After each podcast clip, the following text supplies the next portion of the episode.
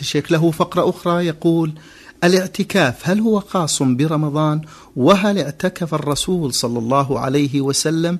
وهل للاعتكاف شروط؟ الاعتكاف لا لا يختص برمضان لكن يختص بالمساجد وفي رمضان أفضل. والنبي اعتكف في رمضان واعتكف في شوال عليه الصلاة والسلام. والاعتكاف في العشر الأخيرة أفضل.